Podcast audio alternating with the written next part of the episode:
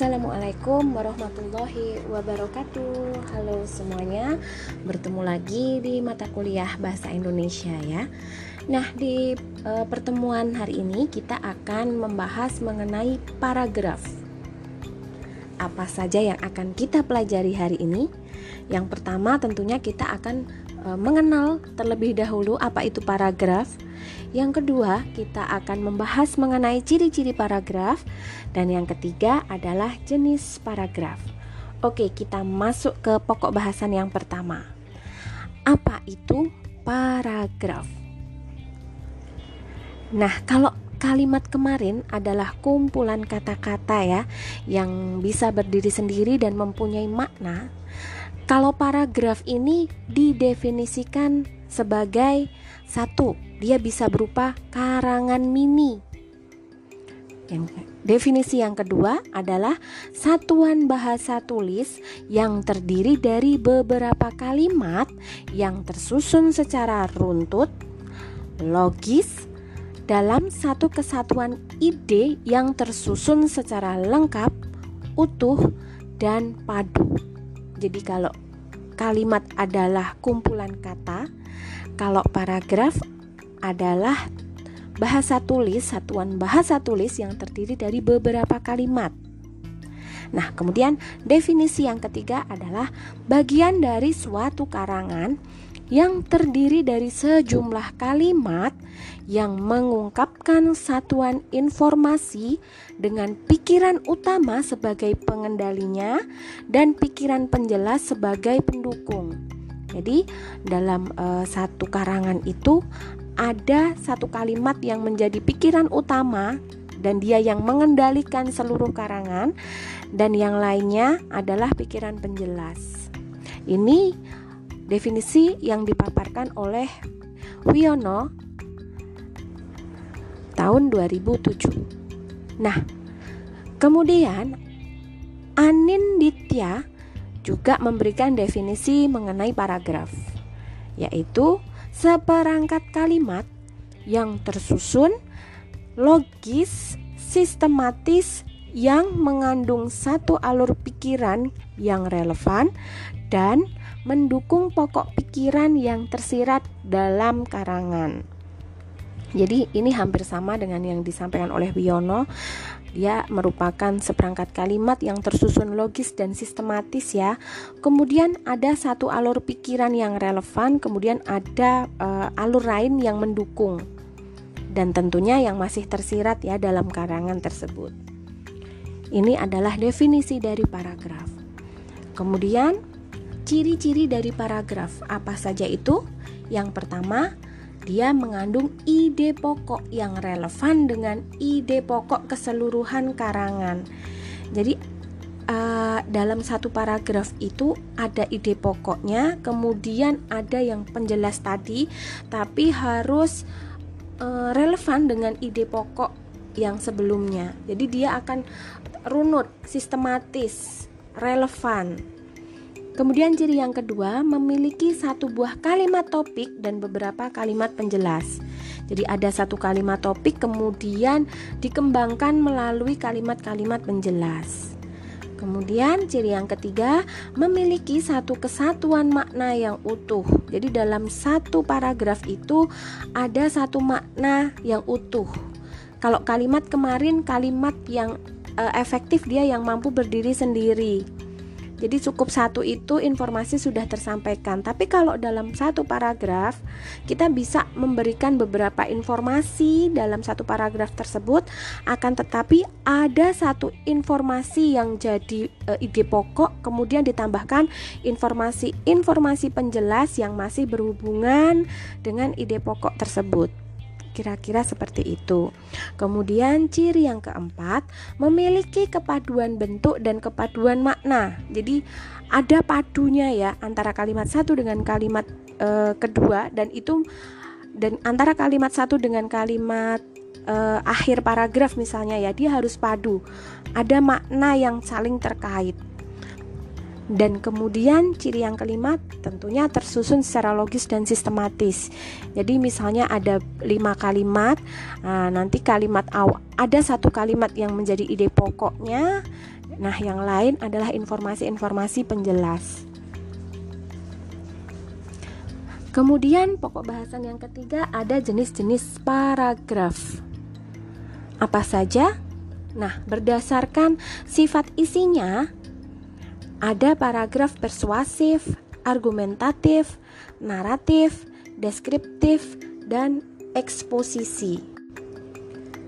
Kemudian, berdasar letak kalimat utamanya, ada paragraf deduktif, ada paragraf induktif, ada paragraf gabungan atau campuran, dan ada paragraf penuh kalimat topik.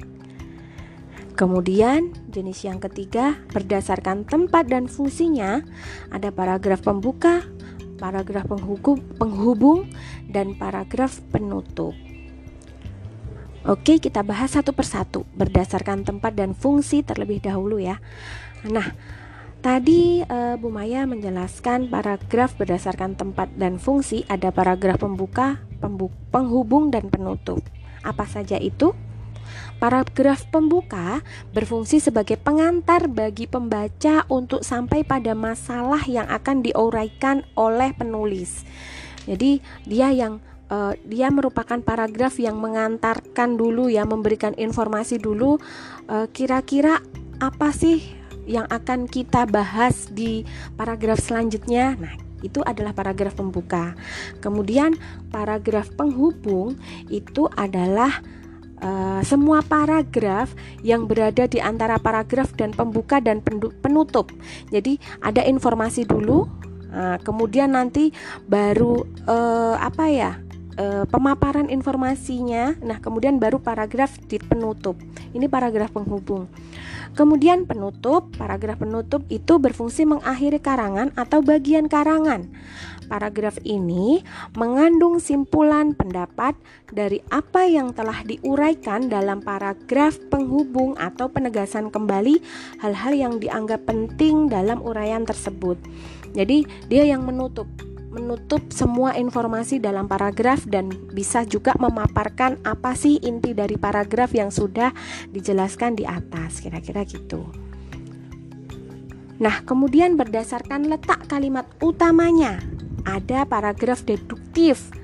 Nah, paragraf ini dimulai dengan mengemukakan persoalan pokok atau kalimat utama kemudian diikuti dengan kalimat penjelas yang berfungsi menjelaskan kalimat utama. Jadi, paragraf deduktif, deduktif ya maksud saya, itu pokok e, atau persoalan pokok atau kalimat utamanya itu ada di depan e, paragraf. Jadi dia kalimat utamanya ada e, kalimat pokoknya ada di kalimat utama itu ya kalau paragraf deduktif intinya di depan persoalan pokoknya di depan di depan sendiri, kemudian baru dijelaskan. Kemudian induktif. Nah, induktif ini kalimat utamanya di akhir paragraf. Sedangkan kalimat-kalimat penjelasnya itu disajikan terlebih dahulu di awal paragraf. Jadi kalau D itu di depan, induktif itu di belakang. Nah, kalau paragraf gabungan atau campuran, pokoknya itu bisa di awal dan di akhir paragraf.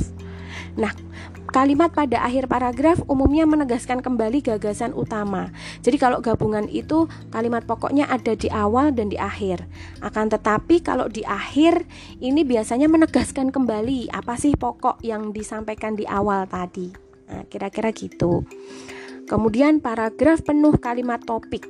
Nah, ini paragraf yang mempunyai kalimat yang sama pentingnya. Jadi di dalam awal paragraf sampai akhir paragraf itu mengandung semua eh, kalimat-kalimat uh, atau topik-topik penting. Nah, paragraf jenis ini sering kali ditemukan dalam paragraf deskriptif dan juga paragraf naratif. Nah, kemudian berdasarkan sifat dan isinya. Tadi ada paragraf persuasif. Apa itu? Dari katanya ya persuasif, maka paragraf ini merupakan paragraf yang disampaikan dengan menggunakan bahasa yang singkat, padat, dan menarik untuk mempengaruhi persuasif tentunya hubungannya dengan mempengaruhi pembaca sehingga pembaca itu bisa terhanyut oleh uh, siratan isi dari paragraf yang kita buka yang kita tulis Misalnya nih, menabung uang di bank lebih aman dan menguntungkan. Uang kita akan mendapatkan keuntungan dari bank sesuai dengan uang tabungan yang telah disetor. Titik, uang kita akan terjaga keamanannya di bank sebagai jaminan masa depan kelak. Jadi, e, di sini ada paragraf yang mengatakan bahwa ketika kita mengirimkan uang atau kita men menginvestasikan atau kita menabung uang di bank ini tentunya lebih aman daripada hanya di celengan atau ditaruh di belakang uh, di bawah bantal misalnya kayak gitu ya. Di sini ada paragraf-paragraf yang isinya uh, mempersuasikan, mempersuasifkan agar kita bisa menabung di bank. Nah, kemudian ada paragraf argumentatif dia berisi gagasan lengkap dengan bukti dan alasan serta dijalin dengan proses penalaran yang kritis dan logis. Argumentasi ini disusun untuk mempengaruhi atau meyakinkan pembaca untuk menyatakan persetujuannya. Jika teman-teman ingat ya dulu kita sempat uh, belajar juga menyusun kalimat uh, yang argumentatif ya itu isinya adalah gagasan yang dilengkapi dengan bukti jelas. Jadi agar apa? Agar pembaca itu juga bisa e, menerima apa yang kita sampaikan karena ada bukti yang jelas. Ini adalah paragraf argumentatif. Kemudian paragraf naratif. Nah, jenis paragraf ini berisi cerita suatu persoalan. Biasanya mengandung unsur cerita yang disampaikan secara kronologis kemudian mengandung plot atau rangkaian peristiwa dan tentunya ada tokoh yang menceritakan karena naratif jadi dia menarasikan suatu kejadian.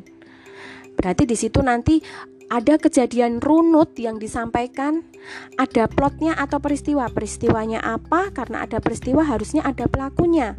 Jadi dijelaskan siapa pelakunya, apa yang dia lakukan, apa kejadiannya, kapan waktunya, itu disampaikan secara lengkap. Ini disebut dengan paragraf naratif. Nah, kemudian ada paragraf deskriptif.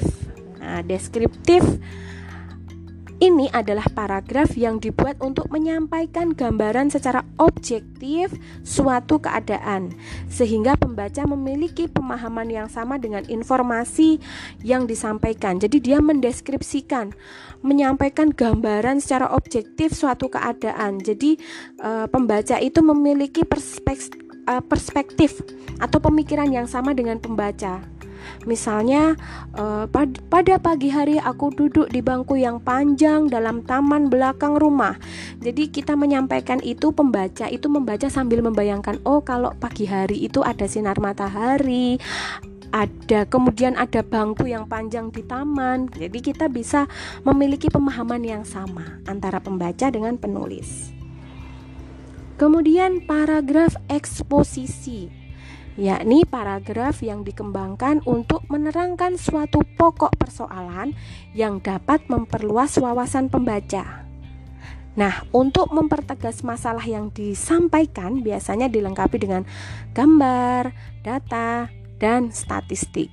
Jadi, paragraf ini untuk men uh, menerangkan suatu pokok persoalan yang bisa me menambah wawasan dari pembaca. Misalnya gini, uh, kasus apa ya COVID pertumbuhan kasus COVID yang terjadi di tahun 2021 nah rata-rata berapa persen? Nah ini kita sampaikan nanti e, misalnya datanya gambarnya statistiknya misalnya. Ini untuk memperluas pengetahuan kita sebagai pembaca ini adalah paragraf eksposisi